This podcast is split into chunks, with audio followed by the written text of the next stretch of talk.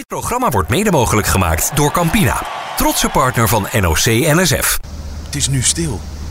Ja, er wordt zo gestart, denk ik. Maar ja, was dit eh, vierde ring, geloof ik. Dus er hoeft op zich niet gefluisterd te worden, denk Niet? ik. Oh. nee. Toch niet. Series van de 100 meter bij de mannen. Ja. Even Eh, meteen. Ja, graag. De eerste 100 meter zonder Bolt sinds Athene 2004. Zo hé. Hij was erbij in Athene, Peking, daar begon hè, zijn gouden dominantie. In Londen, in Rio. Een jaar later neemt hij in Londen afscheid. eh, met een blessure, met een tweede plek, met een salto. Redelijk dramatisch. En nu is hij er gewoon niet meer bij. De atletiek is eigenlijk de man kwijt die groter was en is dan de sport. En er gaat, er gaat dus morgen een man de 100 meter finale winnen, het koningsnummer. Die echt bij ons bij de Albert Heijn gewoon eh, de eindstreep haalt zonder een handtekening te hoeven uitdelen. Dat is gewoon echt zo. Trevor Bromel. Ja, misschien zegt zijn naam iets, maar... Ja, nou, Weet je hoe die eruit ziet? Omdat ik je, nee, ik zeg, als je nu drie foto's omhoog houdt van, eh, van atleten, eh, ik zou het niet weten. Nee, toch? Nee. Nee. Maar is dat, dat, dat is wel een beetje een probleem natuurlijk. Ja. Hè, Het is heel erg jammer, want we, we hebben ook niet iets om heel erg naar uit te kijken op die 100 meter. Nee. Bij de vrouwen nog meer, hè? Veel meer. Ja. Ja. Twee landgenotes van hem, Elaine Thompson, Shelly Ann Fraser-Price. Dan heb je een Britse dame. eh, Goed is die Fraser Price nog? ja, Is die nog steeds goed? Erg goed. Ja? Erg goed. Ja, sterker nog, die heeft dit jaar, kijk, eh, die, die super spikes, hè, zo wordt het genoemd, die spikes zijn Ja, wil- Wil ik het doorontwikkeld. ook nog met je over hebben? ja, Ja. Wordt gezegd, gefluisterd, inmiddels hardop gezegd, dat kan misschien wel 15 honderdste schelen, dat is veel. Maar goed, zelfs, zelfs met dat in het achterhoofd, zij heeft dit jaar de tweede tijd ooit op de 100 meter gelopen. Alleen de beroemde, befaamde Florence Griffith Joyner ooit nog harder. Dus ja, die is gewoon weer eh, hartstikke goed, terwijl ze al halverwege de 30 eh, is. Ah, geweldig. Ja. Eh, voor de vaste luisteraars van de Olympische podcast. U hoort niet Theo Bos, ook niet Thijs Zonneveld, maar Pim Bijl. Ja, We staan in het Olympisch Stadion, waar ik danig van onder de indruk ben. Het is echt een, echt een waanzinnige plek. Het is kolossaal. Ja, het is anderhalf miljard euro. Ja? Ja. En het zijn 64 verschillende houtsoorten die gebruikt zijn. Ja. En die komen uit heel Japan. Noem ze eens allemaal op. Eh, ja. en die eh, 64 verschillende houtsoorten, dat komt weer uit de Olympische Spelen van Tokio uit 1960, help me even. Ja, ja, 62. Ja, Nee, eh, twee- 64. 64? Ja. 64. Nou, misschien dus 64 houtsoorten. Ja, David knikt, het zal wel goed zijn. nou, en, die, en die zijn dus allemaal verwerkt. Die bomen zijn toegeplant. En dat hout is nu verwerkt om opnieuw de Olympische venues te bouwen. Best wel mooi, toch, eigenlijk? Ja. ja. Nou, en ik moet zeggen, het is wel grandioos gelukt. Het is alleen zo groot en zo ondergrondelijk dat ik gisteren gigantisch de weg ben kwijtgeraakt. en vandaag weer. Je moet echt allerlei toeren uithalen om hier naar binnen te mogen. Soms high-demand kaarten. Die, zijn redelijk zeldzaam. Die moet je aanvragen. Dan een deel van de pers wordt dan toegelaten. Dan gaat je eh, bagage door een scanner. Je, moet je, eh, je hebt een oogscan. Er wordt toegezien of je handen ontsmet worden. Maar dan ben je eenmaal binnen en dan laten die vriendelijke Japanners je een beetje aan je lot over. En toen ben ik redelijk immer gerade aus ongeveer gelopen. Totdat ik echt ongeveer in de callroom stond. Waar het echt ten strengste verboden is om je als media te melden. Want dat is gewoon de plek waar de atleten zich moeten... Ja, dus de- het laatste moment ja, ja. voordat ze de baan op gaan. Ja, maar ja, het is echt groot. Maar het is echt imposant. En ik denk als dit, hè, als dit vol had gezeten, dan was het gigantisch geweest. Elektrisch geladen. Maar zelfs nu hebben de atleten wel het gevoel van hier, hier is iets bijzonders aan de hand. Want het Jawel. is gewoon, ja toch? Vind je niet? Het is gewoon zo groot. Ja, ik vind het ook. Maar ik vraag me af of eh, op welke manier een atleet daar Ja. dat, dat ook laat binnenkomen. Volgens mij heb je daar helemaal geen, heb je helemaal geen behoefte aan, denk ik. Nee, nee, nee. nee. Ja, de een kan zich daar beter voor afsluiten dan de ander. Het is natuurlijk wel zo.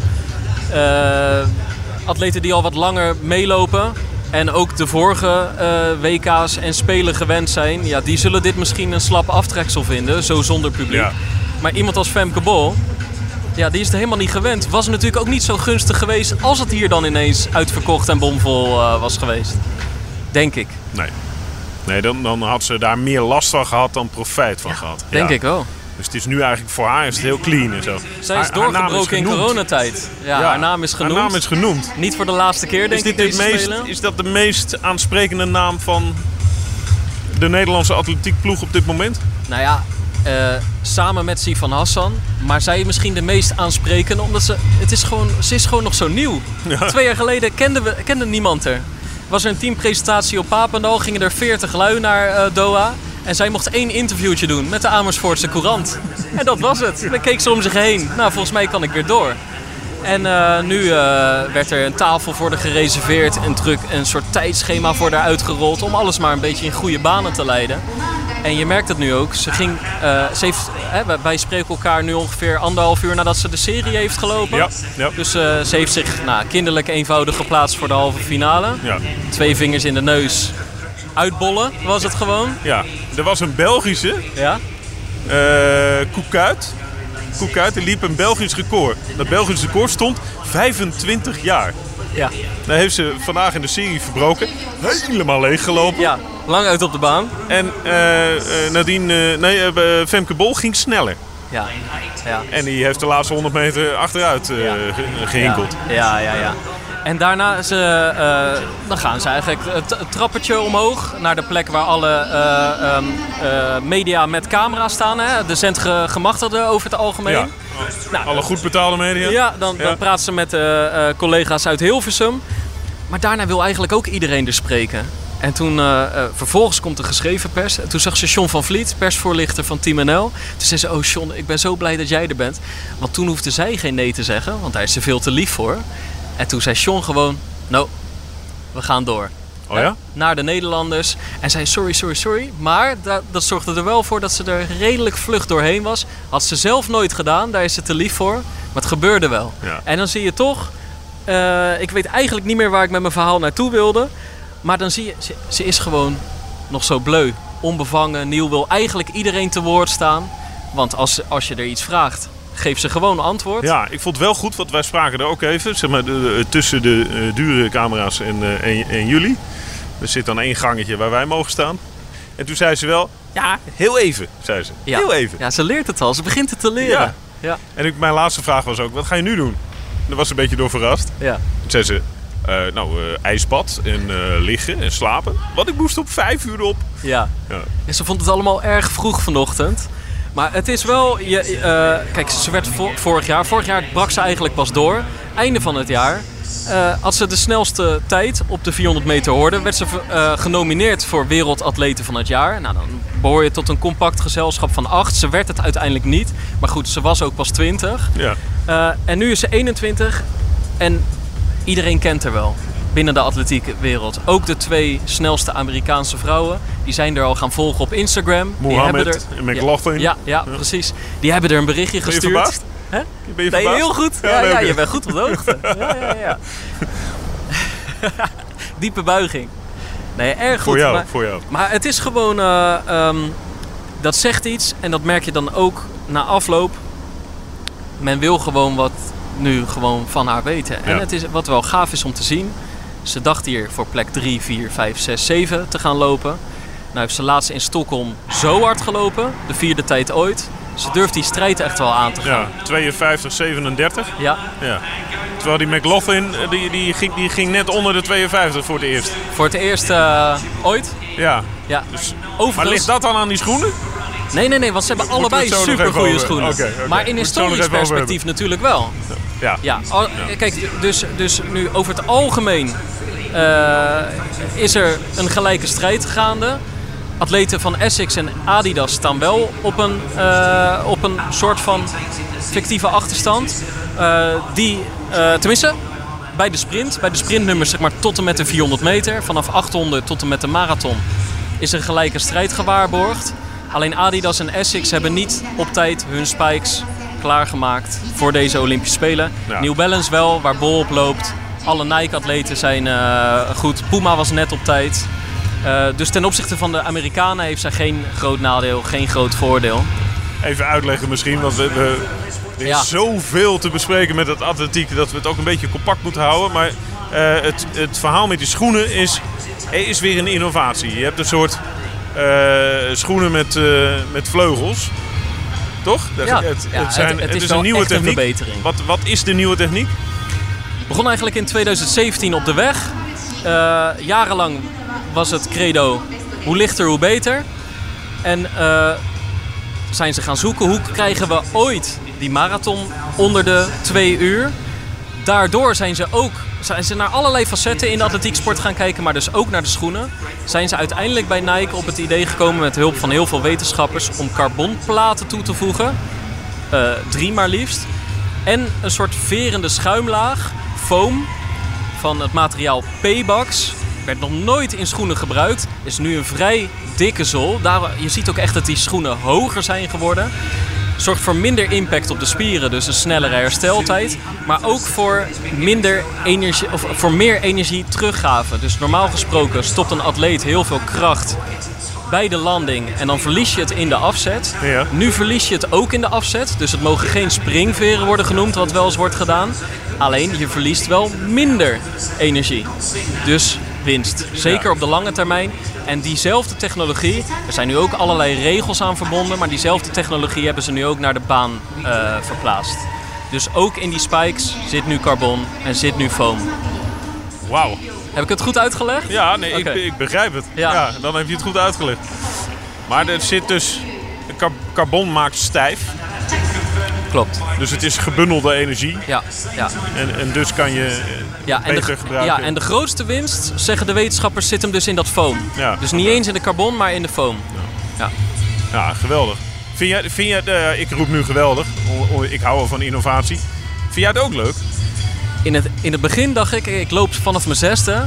Hardlopen is zo'n pure vorm. Dat moet toch pijn doen aan je benen? Het moet toch moeilijk zijn? Het moet toch bijna onmogelijk zijn om bijvoorbeeld een marathon te volbrengen in een goede tijd? Eh, maar toen ben ik ze zelf ook gaan kopen. Liepen ze toch wel erg fijn. En moet je op een gegeven moment gewoon toch wel de innovatie omarmen, vind ik. Ik vind het wel goed dat er regels aan zijn verbonden. Dat we niet straks wel op springveren gaan lopen of van zo- zolen. Dat het lijkt alsof je op trampolines aan het... nee, Ja, het- moet niet te ver gaan. het ziet er, precies, het ziet er anders uit. Het gaat een stukje harder. Eh, wellicht worden, ik denk nog niet deze spelen, maar wordt het bijvoorbeeld straks ook ooit een keer sneller dan gedacht het wereldrecord van Usain Bolt afgepakt op de 100 of de 200. Zal het even pijn doen? We gaan ook alle verhalen over de schoenen. Maar uiteindelijk, hè, als je helemaal teruggaat in de eh, geschiedenis, we lopen ook niet meer op sintelbanen. Nee. Heel vroeger waren er geen eens spikes.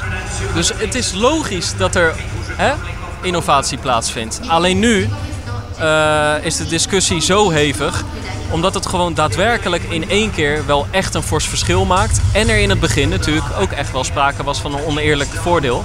Omdat alleen de atleten van Nike erop liepen. Dat is gelukkig nu een beetje opgegeven. Ja, toch lijkt het me als je eh, sprinter bent en je hebt hier inmiddels vijf jaar lang keihard voor gewerkt. Je hebt je geplaatst en, en je hebt een monstrueus contract met Adidas. Ja. Ja, dan ben je, je bent wel gewoon de, de Sjaak, de pineut. Ja, dan baal je wel Toch? echt natuurlijk. Het is echt verschrikkelijk. Daphne Schippers gaat het niet keihard hardop zeggen. Want je verdient gewoon je geld Die, dankzij die Adidas. loopt op Adidas. Maar, ja, maar die baalt natuurlijk sportief gezien gewoon.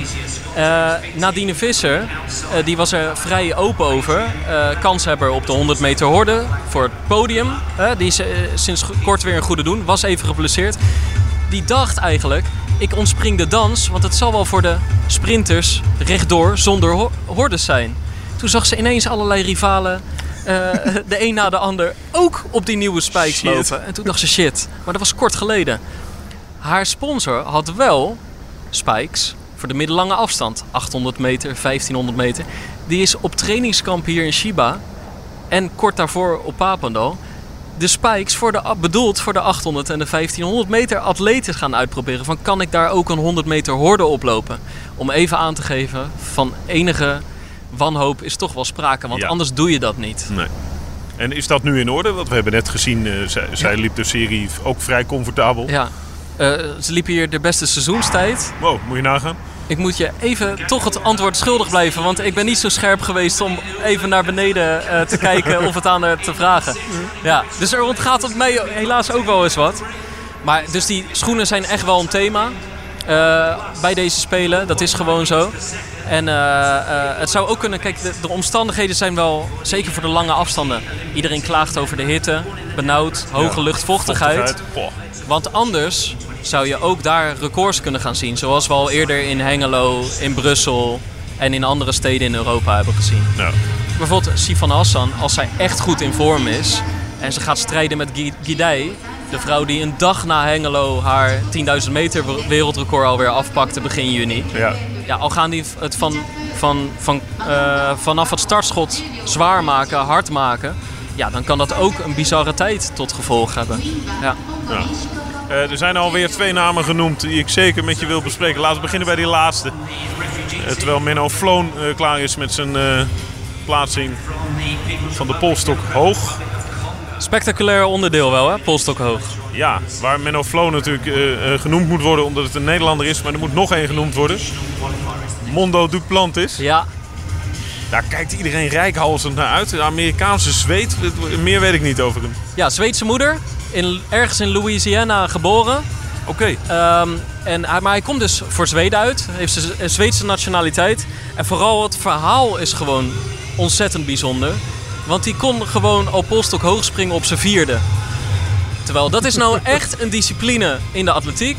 Je begint met tikspelletjes, balwerpen, dat wordt dan later speerwerpen. Je begint, je begint met een beetje verspringen speels, een beetje hoog springen. Ehm, kogelstoten met een ontzettend licht kogeltje. Hordes doe je nog niet, polstok hoog springen doe je nog niet. Dat komt pas als je van pupil naar junior gaat. Als je een jaar of 12, 13 bent. Het is te gevaarlijk, het is te complex. Maar zijn vader en opa waren ook polstok hoogspringers. En die, deden dat, die hadden een vrij grote tuin. En die deden dat gewoon met Armando Duplantis van jongs af aan. En er zijn schitterende beelden. Raad ik elke luisteraar nu aan om meteen na deze uitzending op YouTube in te tikken. De beelden van hem, compilatie, door de jaren heen. Alsmaar zie je hem net wat hoger met die lat over dat touwtje springen. Op een gegeven moment wordt het een...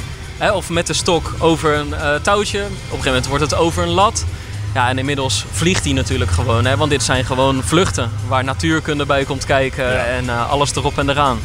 Maar gaat hij, eh, wat, wat gaat hij doen?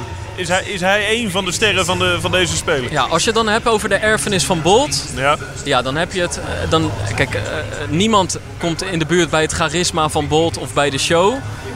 Maar dit is wel zo'n jongen met een verhaal. Met uitstraling. eh, die een sensationeel wereldrecord hier ook kan gaan springen. Ehm, ja, Hoe hoog waar hebben we het over dan? Cijfers, in de, altijd ja, leuk. in de 6 meter. Ja, ja, dat is gigantisch toch? Maar dat heeft hij al gesprongen. Ja, heeft hij al gesprongen? Ja, hij heeft, al een paar, hij heeft het ook al een paar keer verbeterd. Ja. Hij wil het hier gewoon weer gaan doen. En eh, ja, dit is zo'n jongen die, die, die een van de opvolgers qua populariteit is van Bolt. Hoewel die alsnog niet in zijn schaduw kan staan. Nee, nee, Ja, nee. ja, nee ja, ja. Die 100 meter is echt wat anders Ja. dan... eh, oh, finale polstok. Ja, Daar precies. gaan we even voor Ja, zitten. ja. Pak de chips. Je moet er eigenlijk voor gaan zitten. Maar veel minder mensen zullen dat gaan doen. en het is ook veel moeilijker te volgen. Ja, ja. Maar het is, je ziet wel aan alles, zie je... We, hij heeft hier, we hebben net die eh, voorrondes eh, gekeken. Hij heeft... Hij heeft, hij heeft een mooie, goede kop. Heeft toch? Uitstraling. Ja. Je, je ziet aan alles, oh ja. Oké, op hem gaan we letten. En Mondo is ook goed. Hij heet eigenlijk Armando. Mondo, de wereld Mondo over. Duplantis. Ja. Ja. Vliegmachine uit Zweden. ja, goed toch? Ja. Nee, dat is leuk. Ehm, waar wilde ik naartoe? Ik wilde naar Ja, Sivan ja, Hassan. precies. Ja. Ja. ja. Hoe is het met Sivan Hassan? Ze had last van de warmte. Ja, ze, ze liet hier gisteren echt, eh hebben we het over vrijdagavond, een spoor van verwarring achter. Ja, ik las je een stuk. Het, het ging van super hartstikke blij, omdat ze gewoon door was als winnares in haar serie, naar eh, het was te warm, eh, het ging moeilijk. ze, ze klonk verrast dat ze moest zweten hier in het hete Tokio. dat vond ik ook wel mooi. Maar eh, eh, ze wist het niet zo goed wat ze er nou mee aan moest. En eh, wat het bijzonder maakt, ze gaat dit weekend beslissen of ze ook nog even de 1500 meter erbij Ja. neemt. Dat lijkt eigenlijk bijna een onmogelijke missie en een utopie als je er gisteren eigenlijk vertwijfeld hoorde spreken. Dus ze schijnt het toch wel echt eigenlijk al een tijdje in haar hoofd te hebben zitten, heb ik eh, vernomen van de entourage. Ja, want ze is bij het laatste WK, even, even uitleggen, want we, we gaan ontzettend snel. Ja, Het laatste WK heeft ze een onwerkelijke combinatie gelopen binnen de atletiek. eh 10 kilometer en de 1500. Dus ze Ja. is twee keer wereldkampioen geworden. Ja. En nu wil ze eigenlijk die vijf. Hè, de klassieke combinatie is 5 kilometer, 10 kilometer. Denk ja, ik. is toch? al vaker vertoond. Ja. Haile Gebrselassie, Kenenisa Bekele. Ook bij de vrouwen al vaker gedaan. Mo Farah. Ja. Ja. En dan gaat zij nu bedenken, ik, ik ga er misschien wel drie doen. Ja.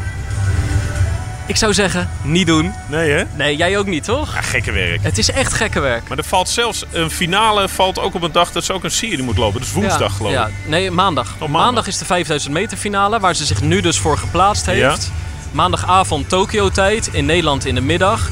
Eh Tokio-tijd in de ochtend zou ze dan al de 1500 meter serie ja, dat moeten was het. Dat was maandag. Ja. Ja, dat is gewoon eh, niet handig. Ja, maar het is gewoon Niet goud, slim. goud op het spel zetten. Dat is echt inderdaad eigenlijk een wilde gok. Alleen eh, als iedereen aan Sifan Hassan vertelt dat iets niet verstandig is, dat je dat vooral niet moet doen. Als iedereen haar gaat adviseren van niet doen. Je gooit hier goud mee op het spel. Dan, dan begint zij het interessant te vinden. Ja, dan gaat het kriebelen. "Oh." Ja. Dan denkt ze, ik kan hier iets unieks neer gaan zetten. Het enige wat ze zich volgens mij wel moet beseffen... En trouwens, het is fantastisch als het lukt, hè? Alleen, wat ze zich wel moet beseffen... Ze is nog nooit Olympisch kampioen geworden. En ook met één Olympische gouden medaille... ben je Olympisch kampioen voor de rest van je leven. Ben je Ja. de eerste sinds 1992 Ellen van Lange in Nederland. En ook de 5000 en de 10.000 combineren is al bijzonder. Helemaal als ze daarin slaagt. Met twee medailles of twee gouden medailles. En dat, dat programma ziet er zo mooi uit. Een serie op vrijdag, een finale op maandag. En dan op zaterdag één keer de 10.000 meter knallen. Dat is ideaal. Er Ja. zit superveel lucht tussen. Ja. Kan je, nog, eh, kan je zelfs nog een keer pittig trainen. En nu pak je, zou je er drie 1500 meter races bij pakken. Op maandag, donderdag en vrijdag. Dus ook weer een dag voor die 10.000 meter finale, een andere finale. Terwijl sommige van haar concurrenten echt gekozen hebben. Guidai, echt gewoon een ontzettend sterke rivale, hartstikke gevaarlijk. Die doet alleen de 10.000 meter op Ja. dit toernooi. Maar goed, het is ook voor het verhaal natuurlijk wel weer mooi. Hè? Anders hebben we het er hier nu al niet, eh, niet zo lang over. Nee, en, en toch als volledige buitenstaander denk ik, ach, waar begin je aan? En vooral, en dat is heel eh, platgeslagen op mijn niveau, maar vooral omdat ik denk, ja, als je last hebt van die warmte, waarom ga je er dan nog drie keer extra heel, eh, een hele flinke inspanning in doen? Ja. Nou ja, het is, eh, het is wat het is. Korte onderbreking voor een commerciële mededeling. Verslaggever Paul Sanders ging op pad voor Campina. En hij sprak met tennislegende Esther Vergeer. Op een van de tennisbanen van topsportcentrum Papendal ontmoet ik Esther Vergeer. Voormalig top rolstoeltennister en tegenwoordig chef de mission. Kintsugi-meesters. Nou, dat is dus iets typisch Japans. Maar dat zijn ehm, ja, kunstenaars eigenlijk die van gebroken vazen of schalen juist iets veel mooiers maken. En eigenlijk vinden wij dat eigenlijk alle sporters kintsugi-meesters zijn. Want die hebben zoveel tegenslagen moeten verwerken. En uiteindelijk gaan zij hopelijk natuurlijk eh, waanzinnige prestaties neerzetten en medailles mee naar huis nemen. Maar dat zijn allemaal dus medailles met zo'n extra randje. De hele aflevering is direct na afloop van deze podcast te beluisteren. Gaan wij nu weer verder. Daphne Schippers, Ja. de gevallen ster, zou ik bijna zeggen. Nou, Of eh, ben ik dan beledigend? eh, zelf zou ze het beledigend vinden. Oh, Oké. Ja, dit, dit soort opmerkingen, Sorry, dan zegt ze... Eh, ik, ik word te vroeg afgeschreven. Of de Nederlandse media, die, eh, daar beginnen ze, eh, dat, dat laat ze regelmatig vallen op die manier. Alleen als we heel eerlijk zijn... Vergelijk haar perspectief eens met vijf jaar geleden. Toen ze eh, eh, dat waanzinnige WK in Peking achter de rug had. Met historisch goud als eh, witte mevrouw uit Utrecht. Op de 200 meter, toch van origine een gedomineerd nummer door de vrouw uit Jamaica, door de vrouw uit Amerika. In ook nog eens een historisch snelle tijd en dan het zilver op de 100 meter. In ook een historisch snelle tijd. Ze ging voor goud in Rio. Nou, werd ze tweede, smeet ze die spikes op de baan omdat ze er eigenlijk niet tevreden mee was. Daar was ik was bij. ze. Daar was je bij. Hoe was dat toen? Eh, het was het mooiste moment van een 100 meter finale. Is als een kolkend stadion van 85.000 mensen. Waar, zoals jij zegt, de elektriciteit zo Ja. eh, de ronde doet. En dat ze dan vragen om stilte. En dan wordt dat dus gewoon, ja, het, nu ook, maar nu zit er niemand. En dan wordt het dus zo stil. En ik krijg er kippenvel van op mijn lijf. En dan opeens is het ready. En dan ontploft dat stadion. Ja, ik vond dat waanzinnig. En haar reactie, dat was natuurlijk... Ja, ze, ze wist genoeg. Ja. Die spikes die gingen, die gingen weg. Ze was niet helemaal fit. Ze had, ja, dat was één grote brok teleurstelling op het moment dat ze daarmee klaar was. Ja, kort daarvoor begon er eh, Lies te haperen. En dan wordt ze daar tweede op de 200 meter, vijfde op de 100 meter. En ze denkt over vier jaar, dan is die van mij. Ja. Dan ben ik 28. Eh, Eigenlijk een hele mooie leeftijd om te pieken. Ja, hoe het er nu eigenlijk voor staat. De Spelen zijn een jaar uitgesteld, 29. Maar dat heeft eigenlijk niet eens het verschil gemaakt. Hoe het er nu voor staat, is dat we niet meer te maken hebben met een topfavoriet. We hebben eigenlijk niet meer te maken met een, nou, met een medaillekanshebber. Ze heeft ook al vooraf aangegeven van ja, als ik de medaille haal onder deze omstandigheden, dan is het eigenlijk gewoon heel knap gezien haar laatste anderhalf jaar ongeveer. De laatste twee, nou, sinds 2017 loopt het al stroever. De laatste anderhalve jaar is haar rug echt een heel groot probleem geworden. Ze heeft het een dubbele hernia opgenoemd in de, onze Tita Tokyo eh voorbeschouwende interviewseries. ja, luister die even terug als je interesse hebt. Want dat is, eh, Ja. dat is wel raak. Ja, dus eigenlijk gaf ze, ze, ze had echt wel al vaker gezegd dat die rug haar ernstig belemmerde. Maar hier sprak ze voor het eerst, nou, gaf ze echt, speelde ze open kaart. Gaf ze echt openheid van zaken en was ze daar eigenlijk heel, eh, heel open over. En dat luchtte er ook wel op. En ze, dat deed ze natuurlijk ook wel om een reden. Eh, Niet alleen omdat Erik Brommert en ik heel goed doorvroegen. maar ook omdat ze natuurlijk voor zichzelf wel een beetje had besloten van... het is wel handig om de, rea- om de verwachtingen in Nederland een beetje te temperen. Want als, als ik voor mijn gevoel heel moeilijk de finales ga halen... maar de, eh, de, de, de buurvrouw van verderop heeft nog dat zilver en die vijfde plek in Ja, haar achterhoofd. Die buitenwacht denkt nog dat ze voor goud loopt. Ja, die hebben natuurlijk niet naar de Diamond Leagues gekeken. Die hebben ook niet naar het NK in Breda gekeken. Dus het is wel goed om, om een beetje realisme te tonen. Ja. En, en ik denk dat dat slim is geweest. Want, want eh, volgens mij is het gewoon goed om af en toe je momenten te kiezen als topsporter. En gewoon eigenlijk uit te leggen hoe het zit. Anders neemt, weet niemand het natuurlijk. Nee. Dan denk je, ja, Nee, en dan kan je die verwachtingen ook niet managen. En dan moet je ook niet gek opkijken dat wij allemaal denken dat ze nog heel erg goed voor medailles loopt. precies. Ja. En- Ze heeft de 100 meter eruit gegooid. Hè? Ja, dat is ook veelzeggend. Daphne Schippers was altijd een atlete. eh, die liep het hele jaar door. Begon al indoor. Als de vrouwen in eh, Jamaica, Trinidad en Tobago en Amerika nog helemaal niks eh, deden. Nou ja, hard trainen. Maar een indoorseizoen kennen ze daar niet. Dus dat begint dan in februari eigenlijk al. Dat eindigt dan ergens half maart. Dan ging ze op trainingskamp, vaak naar Florida of naar Belek in Turkije. En dan begon in mei, meestal eind april, begin mei, het outdoorseizoen. En die draaiden ze tot en met eind september. Ja, eind september ongeveer. Ze is natuurlijk ooit begonnen op de zevenkamp. Ja.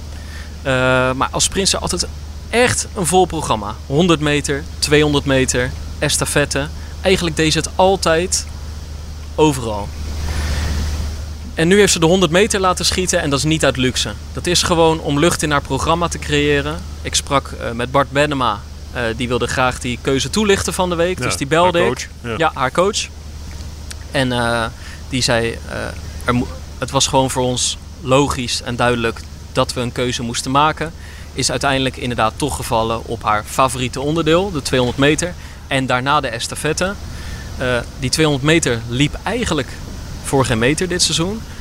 Tot we laatst een sprankje van de oude schippers, hoewel het echt nog niet in de buurt kwam, in? Hongarije zagen. Ja. Ehm, en dat heeft hun ook wel hoop gegeven eh, dat het hier beter gaat zijn dan voorheen dit seizoen. Die rug is een belemmering. Het doet altijd pijn. Ze voelt het tijdens het lopen, ze voelt het bij het opstaan. Eh, maar het is niet zo vaak, zo erg als bijvoorbeeld een jaar geleden toen ze echt ja, doorliep in wedstrijden om aan eh, de contractvoorwaarden van Nike te voldoen. Niet omdat ze dacht dat ze snel bij de finish zou zijn.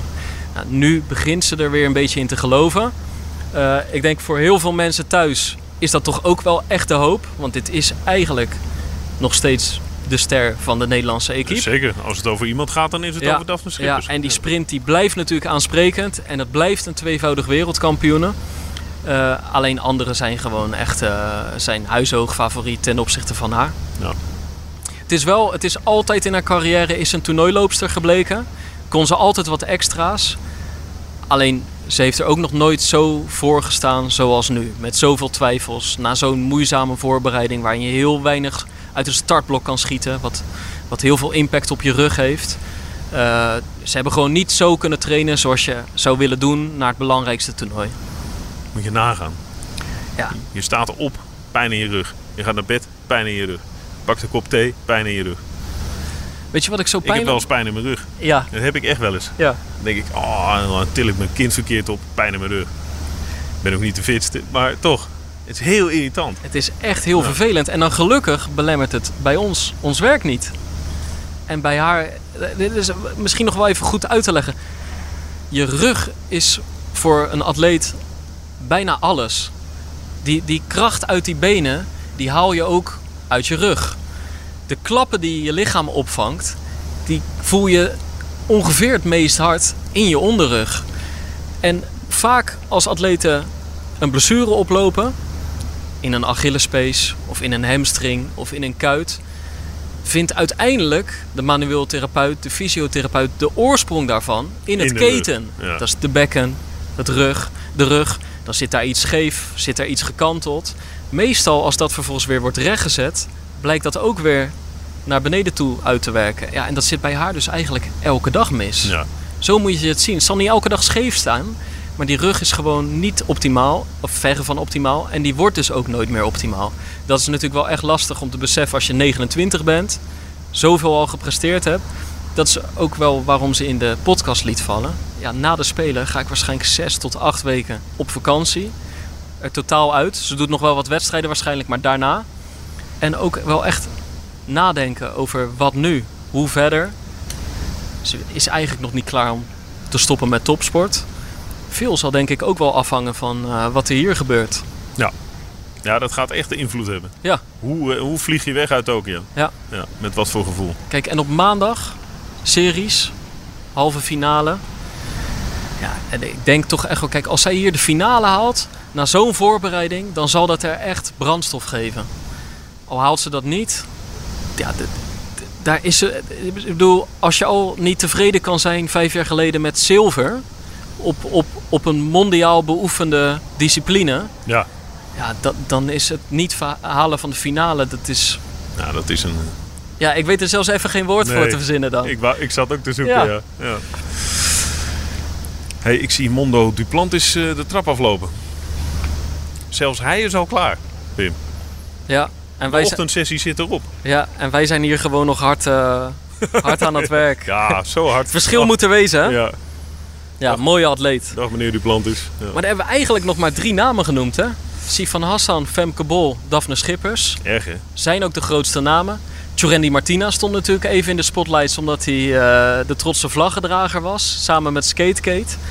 Maar we hebben hier eigenlijk eh, als Nederlands zijnde eh, meer dan 40 atleten. Heel groot. Volgens mij hebben alleen in 1928 in Amsterdam Oh ja? meer Nederlands meegedaan. Moet ik... Is misschien wel een... een eh, even degene die, denkt, die nu luistert en denkt... Ja, dit klopt voor geen meter. Laat het heel even Laat het weten. even weten, dan rectificeren we het gewoon. Maar eh, ja, ik wilde uniek van de week opschrijven en toen begon ik toch te twijfelen. Het is in elk geval heel groot. Zegt wat over de breedte, zegt wat over de kracht van de Nederlandse atletiek. Want jaren geleden stond het er echt nog niet zo goed voor zoals nu. Eh, je ziet het aan dat eigenlijk alle estafetteploegen zich hier hebben gekwalificeerd.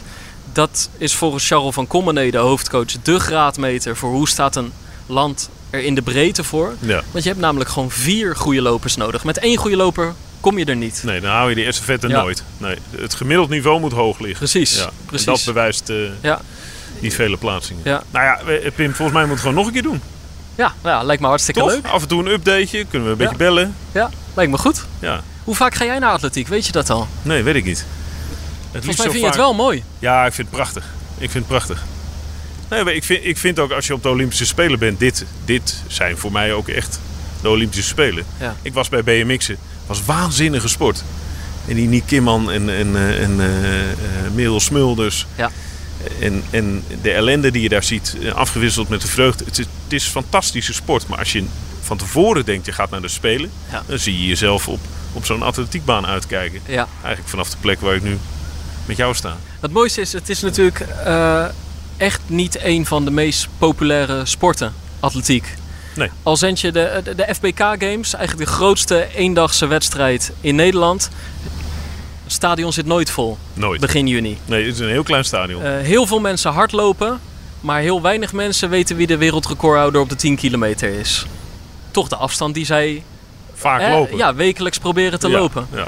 Ehm, maar bij de Spelen, dan vinden mensen toch... Ja, dat discuswerpen hoort erbij. Daar is het ooit begonnen in Griekenland. Ja. ja, de, de moeder aller sporten. Een verschrikkelijk cliché, cliché maar ook wel ergens wel mooi. Ik dacht, dan gaat het uit de weg. Ja, nee, ik gooi er gewoon in. Hey, zal ik Thijs nog even bellen? Ja, waarom niet? Want dan kan ik even zeggen dat we het al opgenomen hebben. Ja, vindt hij misschien ook wel eens lekker een rustdag. Ja. Zit, hoor, ja, Dus even vragen wat hij gaat doen. waar zou die zitten? Ik denk eh, dat hij richting eh Noeska Fontein is. Jongen, Ja, hallo. Thijs, je zit in de podcast.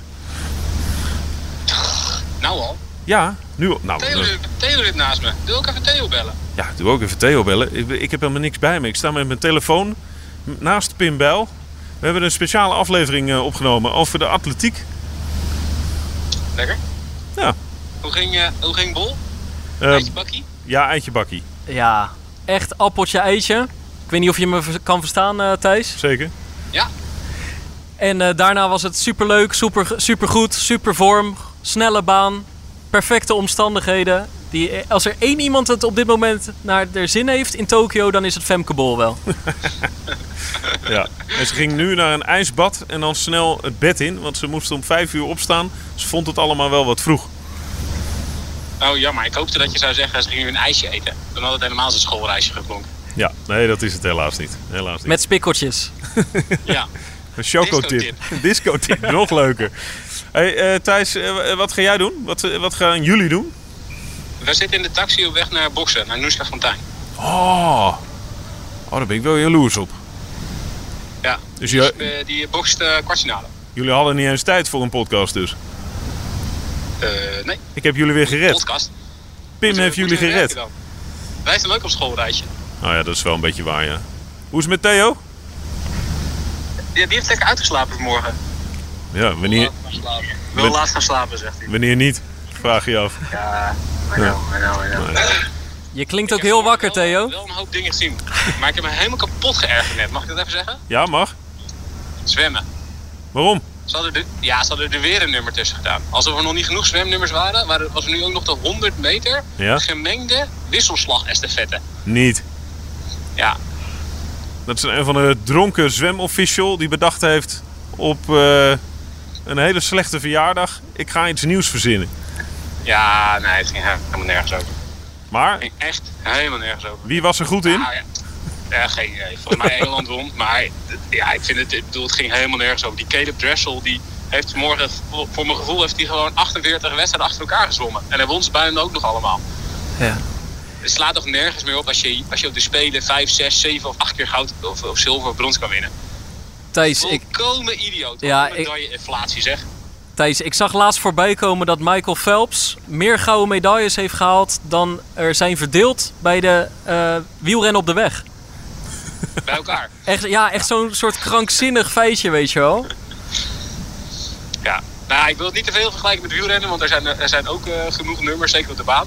Zeker. Maar, maar daar kun je niet eh, acht, keer, eh, acht keer goud halen. En dan is combineren wel een stuk lastiger. Het is, is sprint, keirin. Ja, maar je hebt wielersport. Je moet naar wielersport. Ja, maar dat is niet te combineren. Oh, Nee, dus dat is niet. het, het gaat over de baan. Hè? Klein puntje van kritiek op de baan. En Theo wordt opeens Ja, wel... nee, eh, Theo- schiet wakker hoor. Ja, oké. Ja.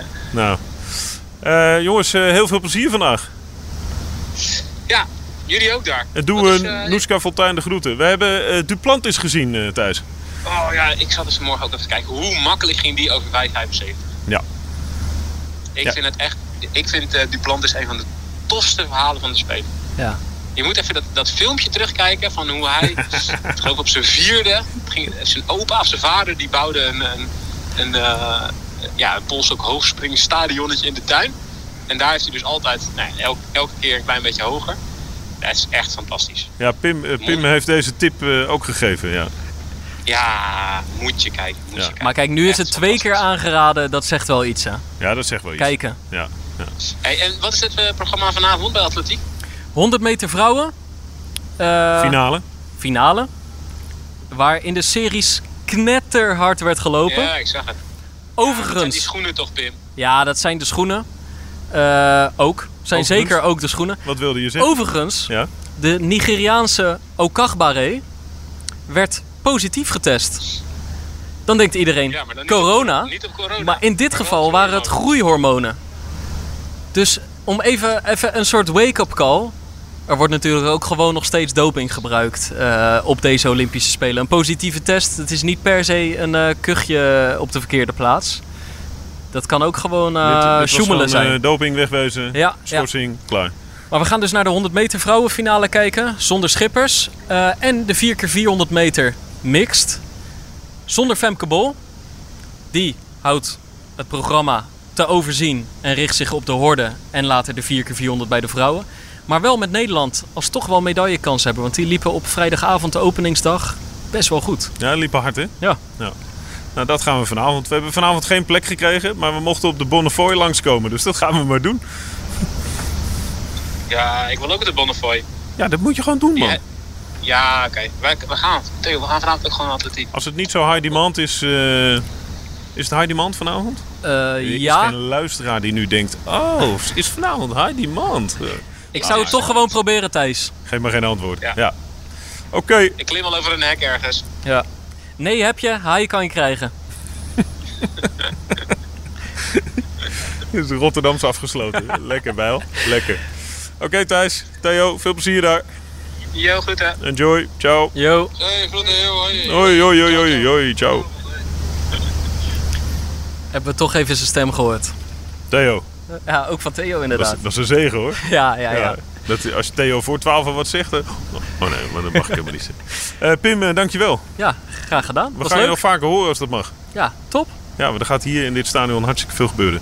Eh, tot zover. Vanavond weer een nieuwe podcast. Eh, dan eh, maken we natuurlijk ook even de round-up. U hoort het al. Fontijn is aan het boksen.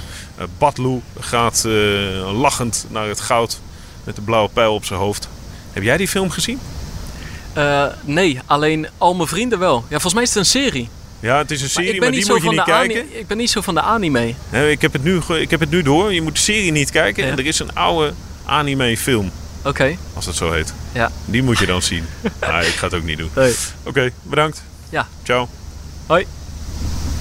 Dit programma werd mede mogelijk gemaakt door Campina, trotse partner van NOC NSF.